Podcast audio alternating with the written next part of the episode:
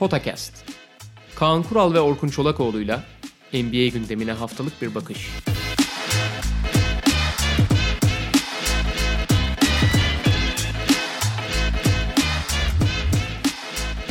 Merhaba, Potakest'e hoş geldiniz. Kaan Kural'la birlikte bugün stüdyomuzdayız. Potakest'in artık bir şey geleneği haline gelen o ses problemlerini, takırtıları, tukurtuları bugün duyamayacaksınız. Bunun için şimdiden özür diliyoruz. Abi tabii dinleyiciyi de biraz kaliteye alıştırdık. Bizim dinleyicimiz ne standartlara mahkumdu. E, zaman içinde insanoğlu tabii ki teknolojinin de gelişmesiyle daha üst e, hizmet bekliyor. Bizim öyle bir beşerimiz olmamasına rağmen sağ olsun Sokrates bize daha üst düzey standartları dayatıyor. Yani dayatıyor demeyelim de yardımcı oluyor. Ama biz yine elle yiyoruz. Evet abi yine yiyoruz maalesef. Sorun orada zaten. Olsun tadı böyle çıkıyor. Bunu elle yiyeceksin. Yazalım abi bir tarafına. Elle yiyin, tüketin diye. Peki bugün ana konumuz sezonun işte yaklaşık bir aylık bölümü geride kalmışken sıralamaya, tabloya baktığımızda biraz daha endişe veren takımlar. Tabii hedefler doğrultusunda yani bütün aşağıda yer alan takımları buna dahil etmeyeceğiz. Söz gelimi Minnesota ki çok fazla sakatlık problemi de yaşadılar.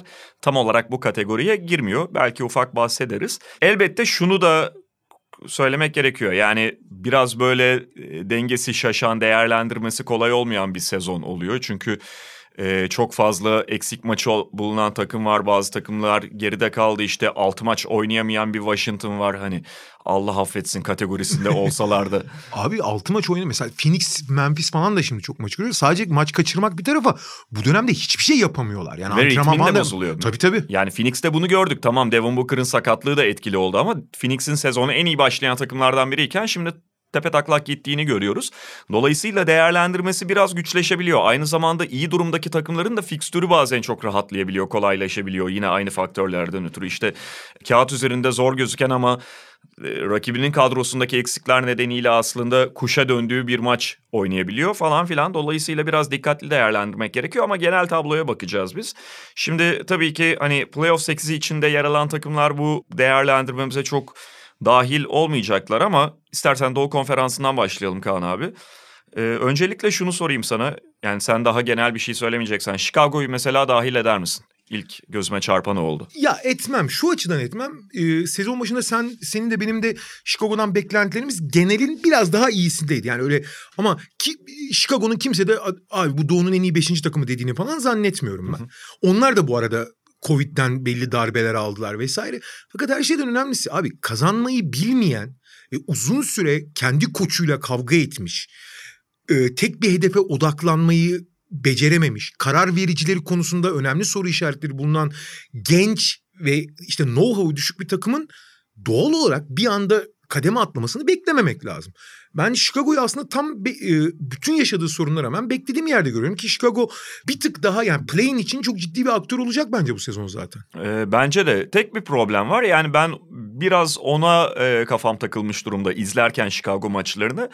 Hakikaten çok kötü savunma yapıyorlar. Yapamıyorlar. Wendell Carter varken de bu böyleydi. Zaten Wendell Carter hani sezona daha doğrusu kendi kariyerine çok iyi başlangıç yapan bir oyuncu değil. Biraz beklenti altı kaldığını da söyleyebiliriz. Ama bu takım hani Wendell Carter'lı ya da Carter'sız diğer oyuncuların dahiliyetiyle onların sakatların eksiklerin dönmesiyle de birlikte yine iyi bir savunma takımı olamıyor bir türlü. Hatta vasatı da çoğu zaman tutturamıyor. Ha belki malzemeye bakınca zaten 3 aşağı 5 yukarı bunu tahmin etmek gerekiyordu. Yani Kobe White yanında işte Zach Lavine. Ne kadar çok yönlü bir oyuncu olsa da Patrick Williams. Patrick Williams'ın ilk 5 oynamasının tek sebebi o zaten. Ama bunlardan işte devamında gelen hatta Laurie Markkanen'i 5 falan oynattığında iyice dökülüyor savunman ve bir şeyleri e, vasat düzeyde bile tutturamıyorsun. En büyük kaygı noktası da Chicago açısından bu. Onlar bir de geçen sene çok geleneksel dışı bir savunma yaptıkları için acayip trapli mirapli.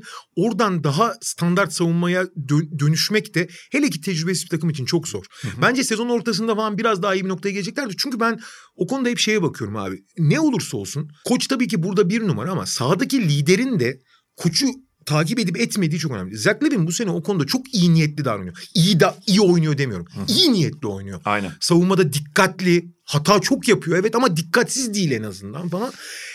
Bir niyetin yani herkesin doğru niyetle hareket ettiği kesin. Bence sezon ortasına doğru daha iyi olacaklar onlar. Toronto için tabii biraz daha e, detaylı konuşabiliriz. Çünkü malum Toronto Raptors Kawhi Leonard gittikten sonra bile geçen sene iddialı takımlardan biri olmayı başardı. Ee, evet bu sene de önemli kayıplar yaşadılar ve kayıpların bu kadro değişiminin onları bir parça daha geri çekmesi bekleniyordu ama sezona hakikaten çok kötü başladılar en azından derece anlamında. Biraz toparlar gibi oldular sonrasında ama net bir istikrardan kesinlikle söz edemeyiz ki şu anda 7 galibiyet 11 yenilgi Toronto Raptors ve sahada da belli eksikleri çok net göze çarpıyor. Ama şunu da bence söylemek gerekiyor. Sezona en zor fikstürlerden biriyle başladı Toronto Raptors ve birçok maçı da yakın kaybettiler.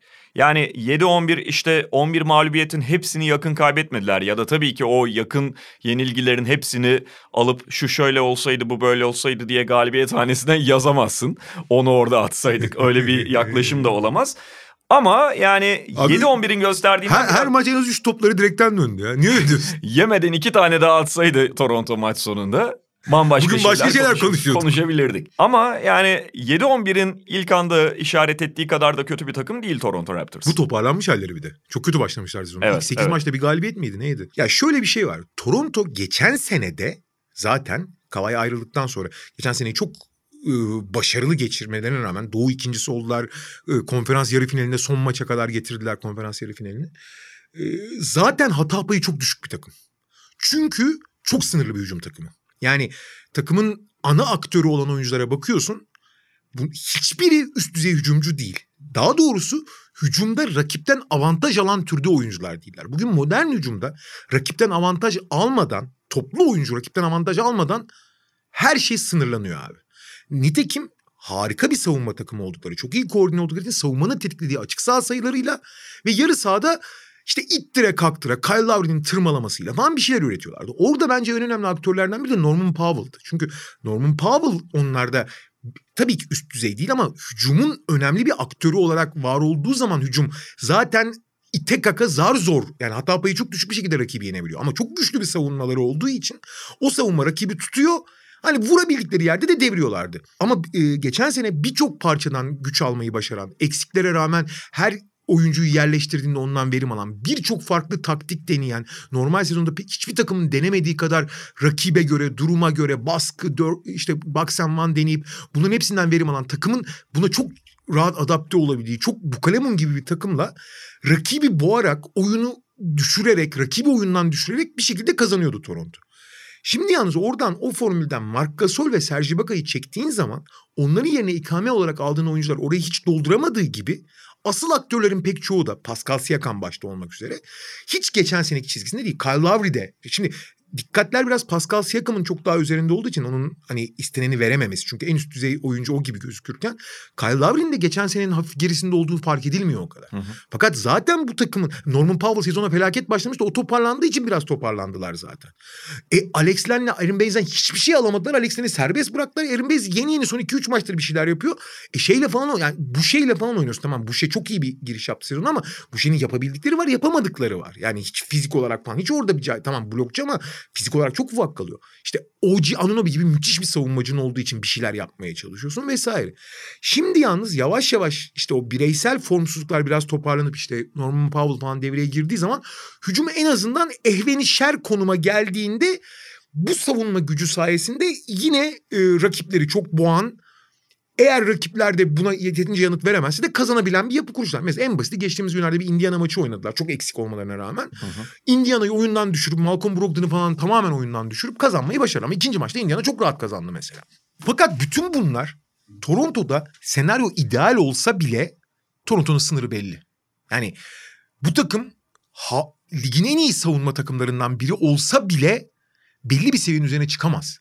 Çünkü artık basketbolda bu kadar sınırlı hücumcularla daha doğrusu rakipten avantaj alamayan oyuncularla oynadığın zaman abi bir yerde tıkanıyorsun. Dünyanın en iyi savunması bile yetmiyor o zaman. Evet o zaman da işte hücumu çok fazla üçlük deneyerek biraz kotarmaya çalışıyorlar. Çünkü yani gerçekten yapabileceği ya da üç, üçlüğün içine girdiğinde orada nefes alabileceği alan çok fazla yok. Bu üçlüklerin, bu üçlüklerin bü- büyük bir kısmı da çok kaliteli atış olmuyor işte. Evet yani sadece hani set temposu üzerinden biraz pas temposu üzerinden şut bulursak buluruz diyorlar. Bulamadıklarında da atmak durumunda kalıyorlar. Ama Pascal Siakam'ın en azından şu aşamada bu takım için bir senin bahsettiğin gibi rakipten avantaj alarak hücumu çalıştırmaya başlayan oyuncu olamadığı açık. Çünkü çok tahmin edile- edilebilir durumda. E, Diğerleri işte ufak kalıyor vesaire ve bu problemler ortaya çıkıyor. Miami Heat enteresan konulardan biri. Çünkü yani derece bir kere çok kötü. Korkunç. 6-11. Buradan bir kere net bir kaygı duyabilirsiniz. Ama diğer taraftan şu anda değerlendirmesi gerçekten kolay olmayan takımlardan biri Miami Heat. Çünkü Covid onları da vurdu. Bunun yanında sakatları var. İşte mesela bu sabah yine şey oynayamadı. Butler zaten bir 15 gündür Butler yok. yok. uzun süredir. Tyler Hero'nun sakatlığı var. var. Goran Dragic ona eklendi. O bu derken yani Bam Adebayo ve bir nevi G League takımıyla sahaya çıkıyorlar ve çaylaklar vesaire. Gabe Vincent'lar bilmem neler falan. Ciddi ilk beş başlıyor.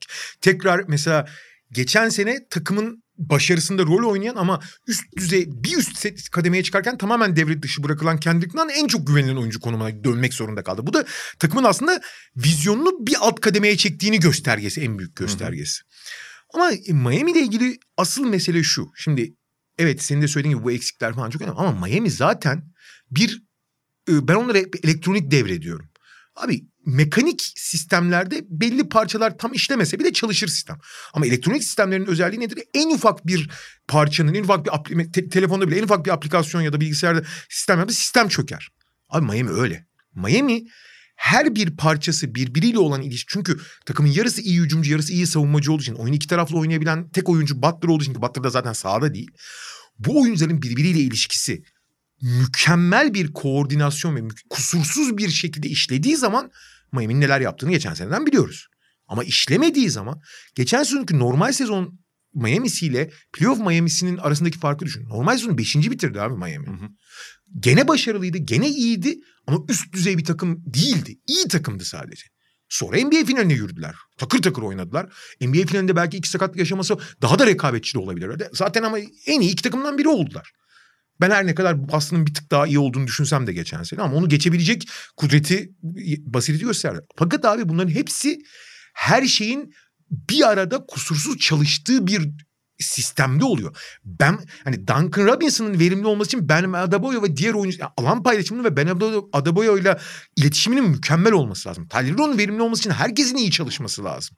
Bunlar olmadığı zaman, bunlar sorun olduğu zaman kaldı ki benim en çok endişelendiğim sezonu sakat kapatan hücumun en önemli aktörü olan Goran Dragic'ti. Goran Dragic sezona iyi başlamasına rağmen bunlar oldu abi. Evet. Ben hala Miami için aşırı endişeli değilim. Takım geri döndükten sonra biraz da zaman geçtikten sonra bu sistemin birbiriyle olan koordinasyonunu kaybetmiş değiller. Çünkü teknik olarak Jay Crowder dışında Derek Jones Jr. o kadar saymıyorum. Yani Jay Crowder dışında çok önemli bir kayıp yaşamış değil Miami. Yine belki geçen seneki playoff'taki o olağanüstü çizgiyi yakalamak kolay olmayacaktır ama yine çok daha iyi duruma gelecekler. Ama şu anki görüntüleriyle işte bir biraz zarar gördüğü zaman 3-4 basamak düşen türde bir takım Miami. En büyük sorun o bence. Hı hı. Ki Adebayo da hakikaten çok iyi durumda bu Çok iyi arada durumda. ve yani oyununu hak e, daha da geliştirmiş olabilir ama onu sağlıklı değerlendirme fırsatımız da olmuyor çok fazla. Adebayo geçen sene playoff'ta başladığı yani çok önemli bir oyuncuyken hücumda da çok önemli bir aktöre soyunma işini bu sene devam ettiriyor. Biraz mecbur biraz da zaten. Hı hı. Yani hani hücumu işte pasla falan çok yönlendiren tamam kendisi de bitiriyor ama daha çok orada bir organizatör ve pas istasyonu olarak çok çok öne çıkmış ve kendini geliştirdiğini göstermişti ama iyiden iyiye skorer de oluyor artık Adebayo. Şutuna falan, şutunu falan arıyor ki o hiç yapmadığı bir şeydi yani. Aynen öyle. Ee, yani Detroit ile Washington'ı işte biraz Geç, önce geç. dediğimiz gibi başka bir yerde değerlendirmek lazım. Hani kendileri kendileri için kaygılanıyor olabilirler ama zaten ne bekliyordunuz ki? Bence orada bir tek konuşulması gereken şey var. Bradley Beal. Evet Bradley Beal'a bir uğrayalım. Şimdi Washington'da bu arada tabii onu da söylemek lazım. Washington'da en çok etkilenen takımlardan biri. Altı Bence maçları, birincisi. e, altı maçları üst üste ertelendi. Sonrasında zaten döndüklerinde takımın yarısı yoktu. Russell Westbrook, Russell gerçek Russell Westbrook olmayabilir. Abi Onun içi doldurulmuş olabilir, başka dublör oynuyor olabilir ama felaket durumda. sezon başında hatırlayacaksın pek çok kişi Washington'la ilgili oldukça olumlu düşünüyordu. Ben en olumsuz düşünenlerden biriyim. Hatta seninle konuşmuştuk çünkü Russell Westbrook da mesela biraz Miami için söylediğim için geçerli. Biraz kaybettiği zaman yapabildiği şeylerden çok ciddi düşen bir oyuncu. Zaten belli zararları bir ola- olan bir oyuncuyken şimdi safi zarara dönüşmüş durumda abi. Hı hı.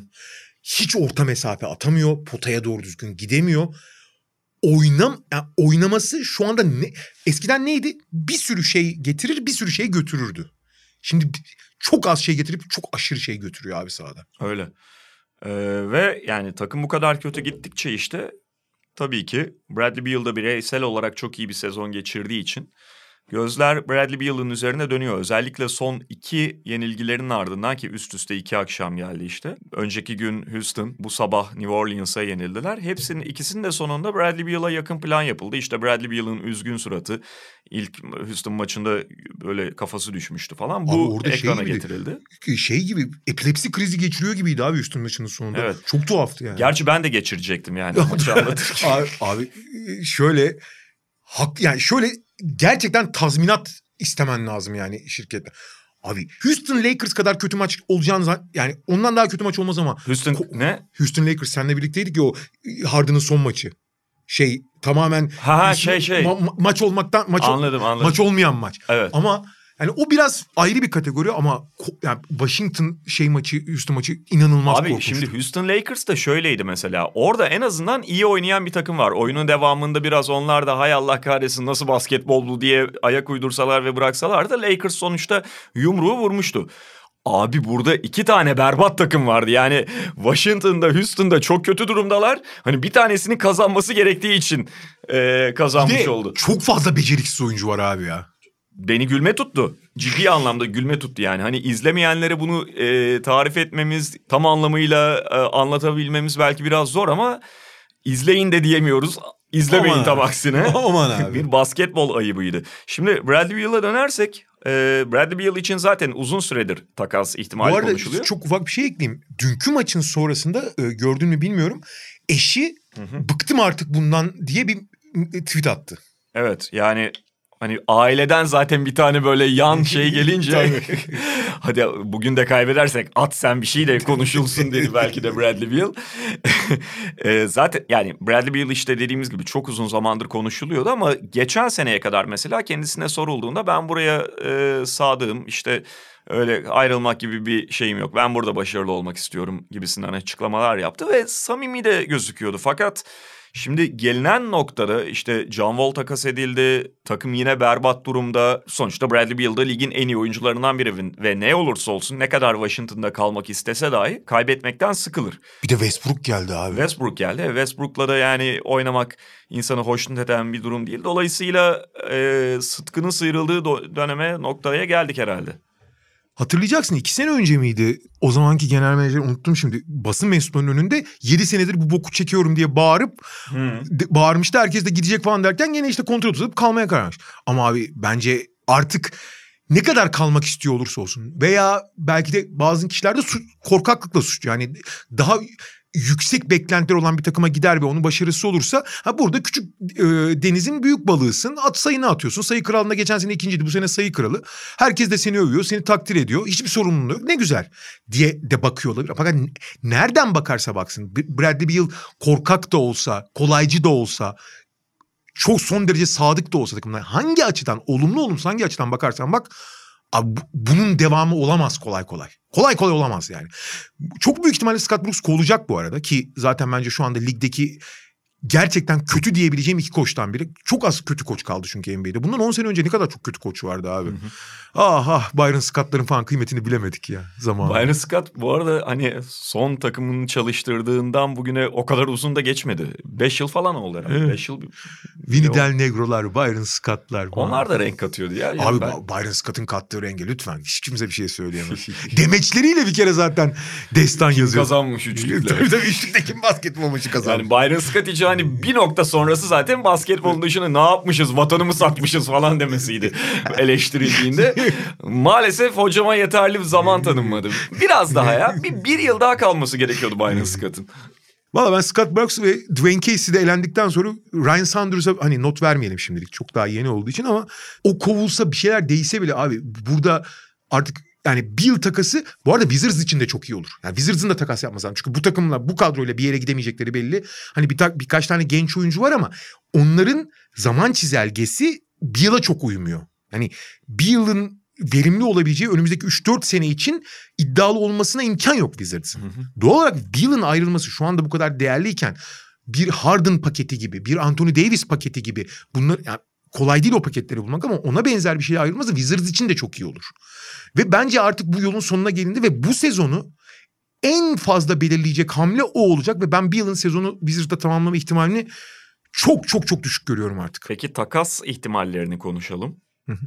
Yani aklına gelen tabii en çok telaffuz edilenlerden bir tanesi Denver Nuggets. Ellerindeki takas malzemesinin de çokluğuyla birlikte ki ciddi bir aday. Harden takasını yapamadığı için Philadelphia burada da konuşulacaktır. Şu anda gayet iyi gidiyor olsa da. Kağıt üzerinde Dallas en, olabilir belki. Dallas şöyle en uygun yapılar aslında Dallas ve Toronto. Hı hı. Yani hem belli bir e, iddiası olan Beal'la ciddi yani Beal hangi takıma giderse gitsin seviye atlatır orası kesin. Ama en büyük ihtiyacı olan ve en büyük seviye atlatacağı takımlar Dallas ve Toronto gibi gözüküyor. Toronto'nun zaten biraz evvel konuştuk en çok ihtiyacı olan şey o. Dallas'ta da Doncic şeyin yanında muhteşem olur yani üçüncü parça olarak. Muhteşem uyar yani.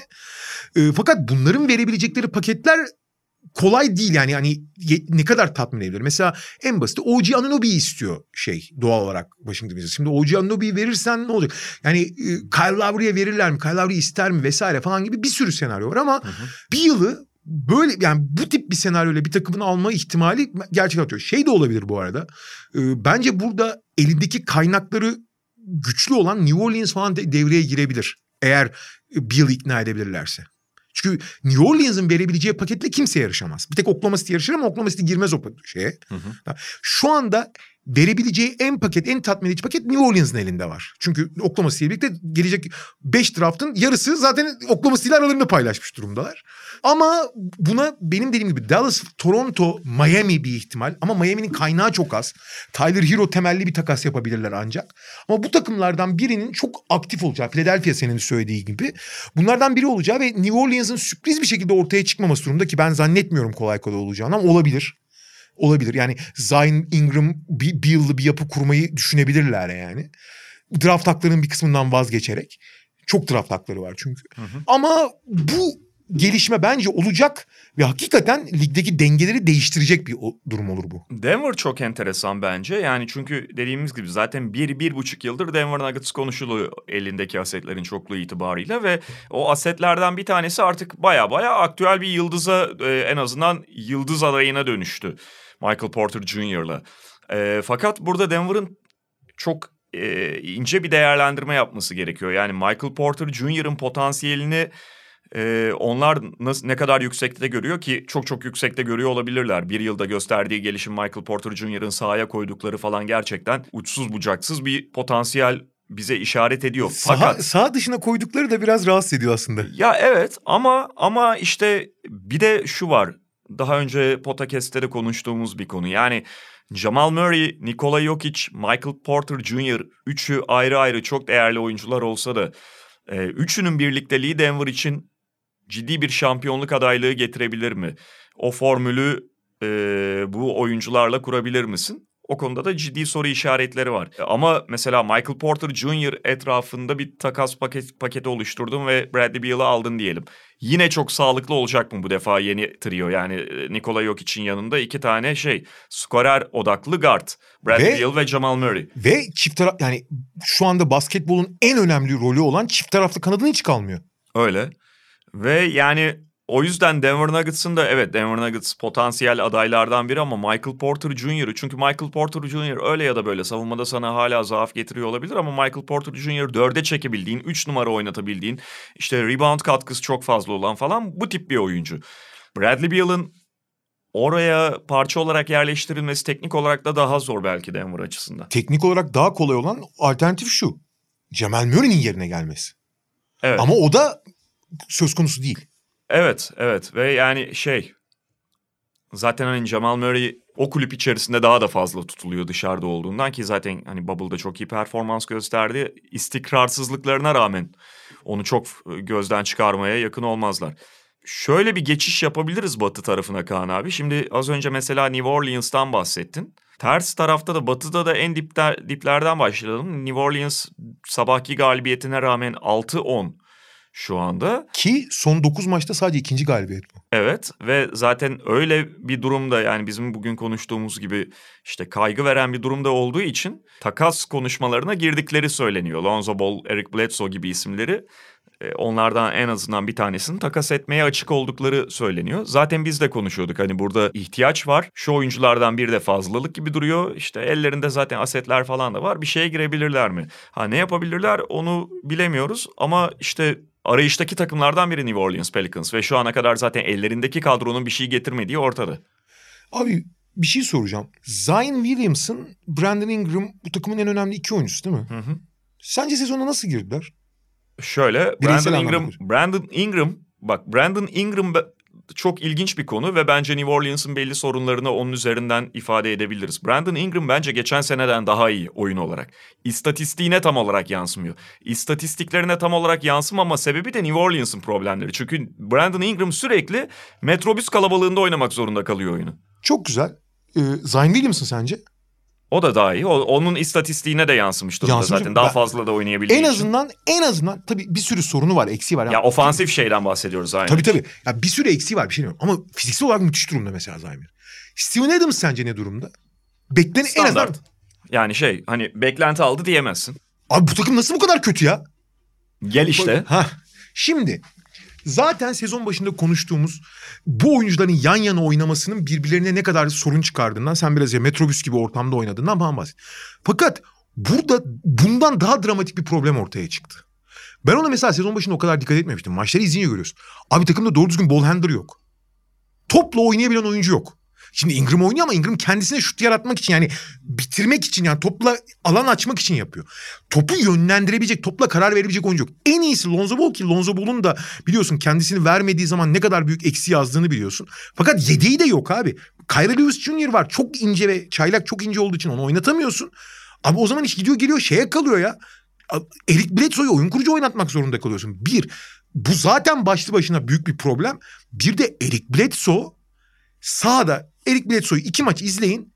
Bas bas bağırıyor. Ben burada oyn- oynamak istemiyorum. Beni zorla oynatıyorlar. Ha şey gibi bu. Abi söyledin sana zorla bir şey yaptırıyorlarsa bir şey gizli bir şey söyle Bize abi. işaret ver. Bize bir işaret. Onun gibi yani sağ içinde abi beni zorla oynatıyorlar. Karımı çocuğumu kaçırdılar gibi bir hali var sahada. Bu kadar isteksiz. Çünkü abi Bledsoe'nun eksiklerine rağmen Bledsoe şey gibidir abi. Yırtıcı kaplan gibidir yani savunmada hücumda yırtar eder. Ha Bledsoe geliyor bir tane üçlük atayım bir tane abi iki tane üçlük kaçırdık şimdi bir tane penetre edeyim de ayıp olmasın deyip yalandan bir penetre edip böyle abuk subuk bir şey. Ha, kesinlikle gitmek istiyor yani. Ki nitekim New Orleans'da artık kabul etmiş ve işte haberi çıktı. Abi bu işte Bledsoe'yu takas etmeye çalışıyorlar şu anda. Lonzo Ball geçen seneki Bubble'dan çok zaten şeyli, e, mimli. Geçen seneki Bubble'daki hali Lonzo Ball'un hani şeydir, res- profesyonelliğe ihanettir ya. Hiçbir şey oynamadı. E bu seneki hali de geçen seneki kadar rahat şut, yani geçen sene acayip bir ritim yakalamıştı şut atarken ama şimdi o da yok. Artık kendini tam vermediği zaman etkili olamıyor ama alternatif olmadığı için mecbursun. Kenarı da alamıyorsun. Elleri kolları bağlanmış durumda. Zaten bir spacing sorunu olduğu gibi topla yönlendirecek. Yani Steven Adams'ı, Steven Adams'ı hadi saymayalım. Ama Zion ve Brandon Ingram'ı etkili kılacak ilk hamleyi yapacak oyuncu yok orada zaten. Resmen debeleniyorlar sahada abi. Zaten savunma konsantrasyonu vesaire gibi sorunları olan bir takım. Zion gibi çok ciddi bir savunma zaafı yaratan belli açılardan bir oyuncu da var. E Ingram tamam belli bir seviyede ama çok üst düzey savunmacı sayılmaz. E, kenardan çok fazla adam getiremiyorsun. Getir, Josh Hart gibi bir joker getiriyorsun ama nereye kadar? E tamam şey iyi niyetli Brandon Ingram falan ama ne yap nereye kadar yapacak? Lonzo Ball hiç Bledsoe'nu zaten hiç yapmak istemediği belli. Abi çok kötü durumda. Yani orada çok köklü bir değişim şart abi. Öyle ve şimdi merak ettiğim mesela senin az önce Bradley Beal ihtimalinden bahsederken e, andığın takımlardan biriydi New Orleans ve onların aset fazlalığından, draft haklarının fazlalığından bahsettin. E, çantayı açıp o draft haklarının kaç tanesini çıkaracaklar eğer bu sene mesela direkt bir değişim istiyorlarsa? Abi şöyle bir şey var. Brandon Ingram, Steven Adams hazırlar abi. Yani artık daha iddialı o oynamaya. Zion daha hazır değil ama geliyor. Hı hı. Abi o yüzden Bradley Beal'ı alıp bu sezon artık geçmiş olabilir. Çünkü o top yönlendirici bulmak çok zor. Bradley Beal'ı kısmen orada kullanırsın ama esas bir tane lazım oraya. Ama gelecek sezon itibaren daha iddialı olmaya şey yapabilirler. Da- Daha kısa vadeli bir plan yapabilirler. Bradley Beal'la çünkü daha kısa vadeli plan yapmak zorundasın. O yüzden oraya uyduruyorum ben. Ben mesela çok küçük bir hamle düşünüyorum onlar adına. Harika olur. Facundo Campazzo'yu alsınlar abi. Zaten Denver'da ki durumdan dolayı sıkıştı oynayamıyor. Tam ihtiyaçları olan oyuncu yani. Böyle bir iki hamle daha yapıp Bradley Beal'a o yüzden aktör olabilirler. Çünkü orada abi o dış yapıyı değiştirmek zorundalar. Belki hala Lonzo'yu değerli görüyorsa şey Washington. İşte Lonzo artı iki tane draft hakkı. Lonzo Bledsoe ya da ikisinden biri ya da ikisi birden iki tane de draft hakkıyla belki almaya çalışabilirler bir ihtimal diye düşünüyorum. Lonzo'yu ben de hala tabii ki herkesin nezdinde biraz kıymeti zedelenmiştir. Geçen Ama- sene geçen sene toparlamıştı aslında imajı. Evet ama etkilendi dediğin gibi bubble üzerine bu sezon başlangıcı. Valla ittirebildiğime ittiririm Ben de. bulduğum anda. Çok tehlikeli çünkü bir de kontrat döneminde falan yani bela olur başına Lonzo Ball. Ama durum çok fena New Orleans'da. Yani sahadaki durum çok fena. Ya Minnesota'yı dedi biraz önce galiba ismini almıştık. Çok fazla sakatlık var ki o sakatlıkların en başta olanı Carl Anthony Towns. Sakatlık artı Covid olduğu için ve Carl Anthony Towns'u bu takımdan çektiğin zaman hiçbir şekilde e, bir şey inşa edemiyorsun. Onu da zaten sahada Zaten yaşıyorlar. çok da yumuşak takım abi. Öyle. Sacramento'nun yine hani beklentisi kulüp ve kulüp dışında farklıydı belki ama e, ya onlar da hiç savunma yapamıyor. Hiç yapamıyorlar. Yani 130 yemeği norm haline getirmiş bir takımdan bahsediyoruz. Şöyle geçen seneki Cleveland'da rahmet okutacak kadar savunma yapamıyorlar yani. Hiç alakalı. Hani savunmayı sadece hücuma geçmek için ge- e, geçirilmesi gereken beklem yani bekleme odası gibi düşünüyorlar. Abi hücuma geçelim bir an evvel siz atın da diye bekliyorlar. Yani. Hiç Pozitif, alakalı. pozitif rating yakalayabildikleri çok az böyle ikili falan var işte. Rishon Holmes ve şey vardı. De'Aaron Fox vardı. Halliburton galiba yine Holmes'la birlikte ama yani Holmes'u da işte aslında Holmes'u hakikaten daha fazla el üstünde tutmaları ve zorlamaları gerekiyor. Çünkü bir şey yani savunma namına zaten senin takımında bir şey gösterebilen ve etrafına kümelenebileceğin tek adam Rishon Holmes. Orada da şöyle bir sorun var abi. O biraz göz boyuyor çünkü savunma yapıyor fakat undersized olduğu için belli dezavantajlar yakalıyor, yaratıyor. Fakat o dezavantajlara gelemiyorsun ki yani bunu bile yap- yapan yok çünkü. Evet. E çünkü yani yede şimdi yedeği Hasan Whiteside. Allah. Ya da farklı beşte yedeği diyebileceğin oyuncu yedek değil belki ama kısa beşte Marvin Bagley'i oraya çekiyorsun. Bambaşka şeyle ol- oluyor. Zaten Marvin Bagley orada mutlu değil. Marvin Bagley'nin ailesi mutlu değil. Onun da ailesi konuşuyor işte bir yandan. Ee, takımda ne kadar Marvin Bagley'den memnun o da ayrı bir konu. Yani e, ve Batı konferansında Onlar için onlar için Tyrese Halliburton'u bulmuş olmak ve kendine gelmiş bir Darren Fox'la eğlenceli eğlenceli oynuyorlar. Savunma olmasa da olur diye bakıyorlar duruma. Hocam hücum sayı mal satıyor hocam. Millet hücum izlemeye geliyor deyip kazanmak falan ikinci planda tutuluyor Burada esas ilginç takım bence Dallas Mavericks. bence de. 8-10 e, ki yani tamam onların da sakatlık problemleri oldu falan ama öyle aman aman bu 8-10'u direkt açıklayacak derecede olduğunu söyleyemeyiz. Artı esas kaygı verici olan e, Dallas Mavericks'in geçen sene olduğu gibi yine çok ciddi bir savunma probleminin olması. Yani tamam geçen sene işte çok iyi savunma yapamıyor ama en azından çok üst düzeyde hücum edebildiği için belli bir şeyin üstüne geliyor. Ortalamanın üstünde bir takıma dönüşüyor diyorduk ve takviyelerle birlikte falan bu sene savunma tarafında da gelişim bekleniyordu Dallas Mavericks'ten ama hücumları bozuldu biraz. Savunma aynı düzeyde ve sahaya da yansıyor. Ya şimdi Porzingis zaten e, sezonun çok büyük bölümünde yok. Son 3-4 maçtır var ki onun maç ritmine girmesi de zaman alacak. İşte Powell döndü Aşil'den ama bir Durant gibi dönmedi. E Covid yüzünden bir süre eksik yaşandı. Josh Richardson oynayamadı, Kleber oynayamadı. Ki bunların hepsini çok güzel bir jonglör gibi kullanıyordu Rick Carlisle. Ki Rick Carlisle genelde sezonun ilk bir ayını falan e, rotasyonları belirlemek, hangi oyuncuların birbiriyle daha iyi ritim bulduğunu görmek için harcar. E Jalen Brunson bir süre oynayamadı. O Doncic'in arkasındaki top yönlendirici falan derken onlara biraz daha zaman vermek lazım. Fakat onların da biraz Toronto gibi hata payı düşük, biraz Miami gibi belli bir koordinasyonda belli bir seviyede oynaması gerekiyor. Çünkü o kadar olağanüstü bir hücum her ne kadar Doncic temelli ve Doncic sayesinde oluyor olsa da onun etrafı işte Tim Hardaway'in ne bileyim Jalen Brunson'ın, Seth Curry, Seth Curry'nin yerine şeyin gelmesi, Josh Richardson'ın gelmesi teknik olarak belki savunmayı biraz yukarı çıkaracaktı ama hücum anlamında Seth Curry'nin ne kadar elit bir iş yaptığını unutmayalım. Onu kaybettiler. Şimdi o hücum düzeyini bulabilmek için bütün herkesin oyununu en üst seviyeye taşıması lazım. Tim Hardaway Jr.'ın şütörlüğünün, Kristaps Porzingis'in şütörlüğünün, işte rakiplere göre diğer işte Kolstein mi oynayacak, Kleber mi oynayacak, diğer uzunların rolü Marjanovic mi oynayacak onlar da belirlensin. Ancak o zaman e, belli bir seviyeye. Fakat geçen seneki hücum seviyesini yakalamalarını yakalamayı beklememeleri lazım. Çünkü geçen seneki hücum seviyesi çok istisnai bir denk gelmeydi. Yani denk gelme derken tabii ki oyuncuların ve koçun e, başarısı. Ama bu kadar müthiş bir yapıyı tekrarlamak aynı her şeyi aynı yapsam bile kolay değil. Geçen sene hücum başına sayıda NBA tarihinin rekorunu kırdı adamlar. E, yüz- yani hücum başına 1.16 sayı üretiyorlardı. Tamam o potansiyel hala var. Doncic evet sezona biraz fazla kilolu girdi. Yavaş yavaş toparlanıyor. Her şey iyi olduğu zaman buna yaklaşabilir ama kolay değil. Buna yaklaştıkları zaman işte o zaman abi savunmayı belli bir seviyede yapsam bile gene de iyi olacaklar. Ve ben o konuda iyiye gideceklerine inanıyorum. Ama Josh Richard sadece Josh Richards'ını eklediğin zaman bir anda savunma ayağa kalkmıyor abi. Savunmada çok işin ilginç yanı Doncic çok iyi başlaması sezon fakat savunmada çok daha iyi bu sezon Doncic. Daha, daha dikkatli, daha fazla işin içinde. Ama Doncic bunu yaptığı sürece, iki taraflı oynamaya başladığı sürece Richardson bu anda devreye girsin. Onların savunmaları vasatı aşacaktır. Hücumları da bir devamlılık sağladığı zaman, bir ritim bulduğu zaman daha iyi olacak. Ben Dallas'la ilgili çok fazla endişe yaşamıyorum. Kristaps Porzingis'in sağlığı hariç ama o her zaman bir soru işareti. Ama ben Dallas'ın çok kısa sürede en azından geçen seneki çizgisini yakalayacağını ve büyük ihtimalle de eğer bir terslik olmazsa geçeceğini düşünüyorum şahsen. Bilmiyorum başka senin hani bu gruba eklemek istediğin takım var mı? Pek yok ya. Diğerleri üç aşağı beş yukarı yani Houston'ı hiç saymıyoruz zaten. Houston'ın çünkü Houston'ın konuşulacak fazla bir şey yok yaşananlardan sonra. Phoenix'in düşüşünü az önce biraz kısaca açıkladık. Yani onlar da sonuçta e, bir süre oynayamadılar. Sonra Devin Booker'ın sakatlığı falan derken başlan çok iyi başlangıçtan sonra şimdi bir düşüş periyodundalar ama zaten çok da aşağı inmediler yani 8-8. Diğerleri de zaten şu anda playoff içerisinde 8 içerisinde. Yakında Portland'dan bahsedeceğiz ama Portland'ın tabii sorunları çok daha farklı. Vallahi Portland öyle ya da böyle şu anda 5. sırada abi. Ama, Ama bir evet, ay sonra, bahsedeceğiz abi. Bir ay sonra durum çok daha maalesef olumsuz dönecek galiba.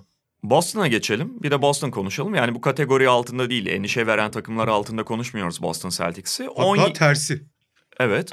10 galibiyet 7 yenilgi. Ee, onlar da Jason Tatum'u ve kadronun bir bölümünü kaybetmişlerdi. Belli bir dönem onlarsız oynadılar. Yani etkilenen takımlardan biri Boston Celtics. Sonuçta yavaş yavaş döndü oyuncular. İşte sezon başında Kemba Walker'ın sakatlığı vardı. O da döndü. Jason Tatum Covid protokolüne döndü vesaire.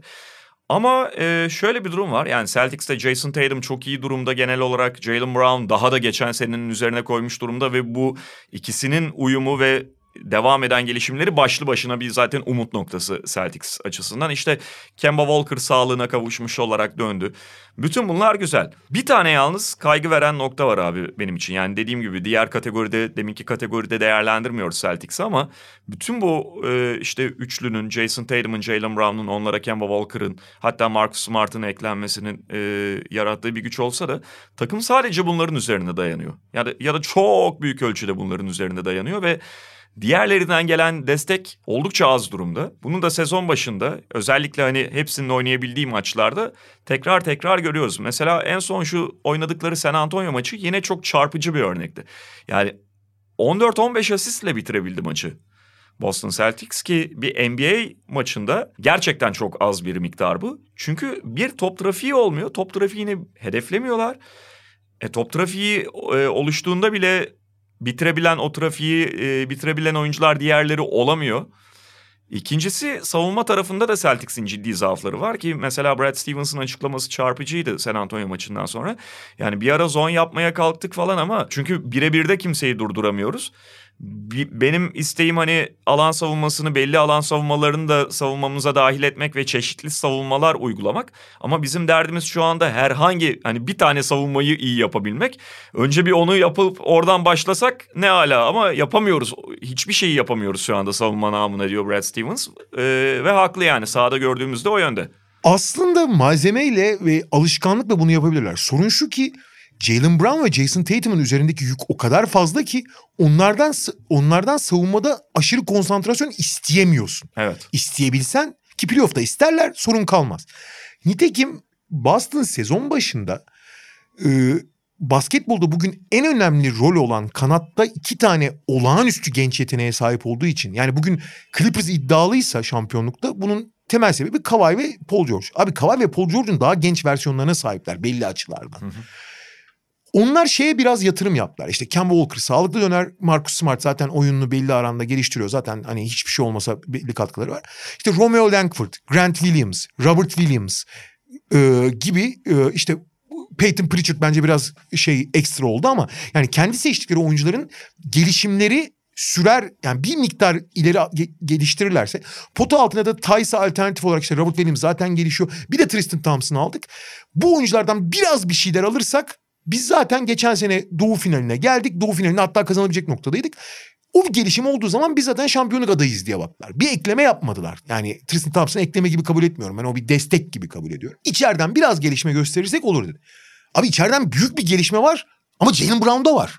Yani Tatum geçen sezonun ortasında yıldız adaylığından All-Star sınırındaki bir oyuncudan süperstarla patladı.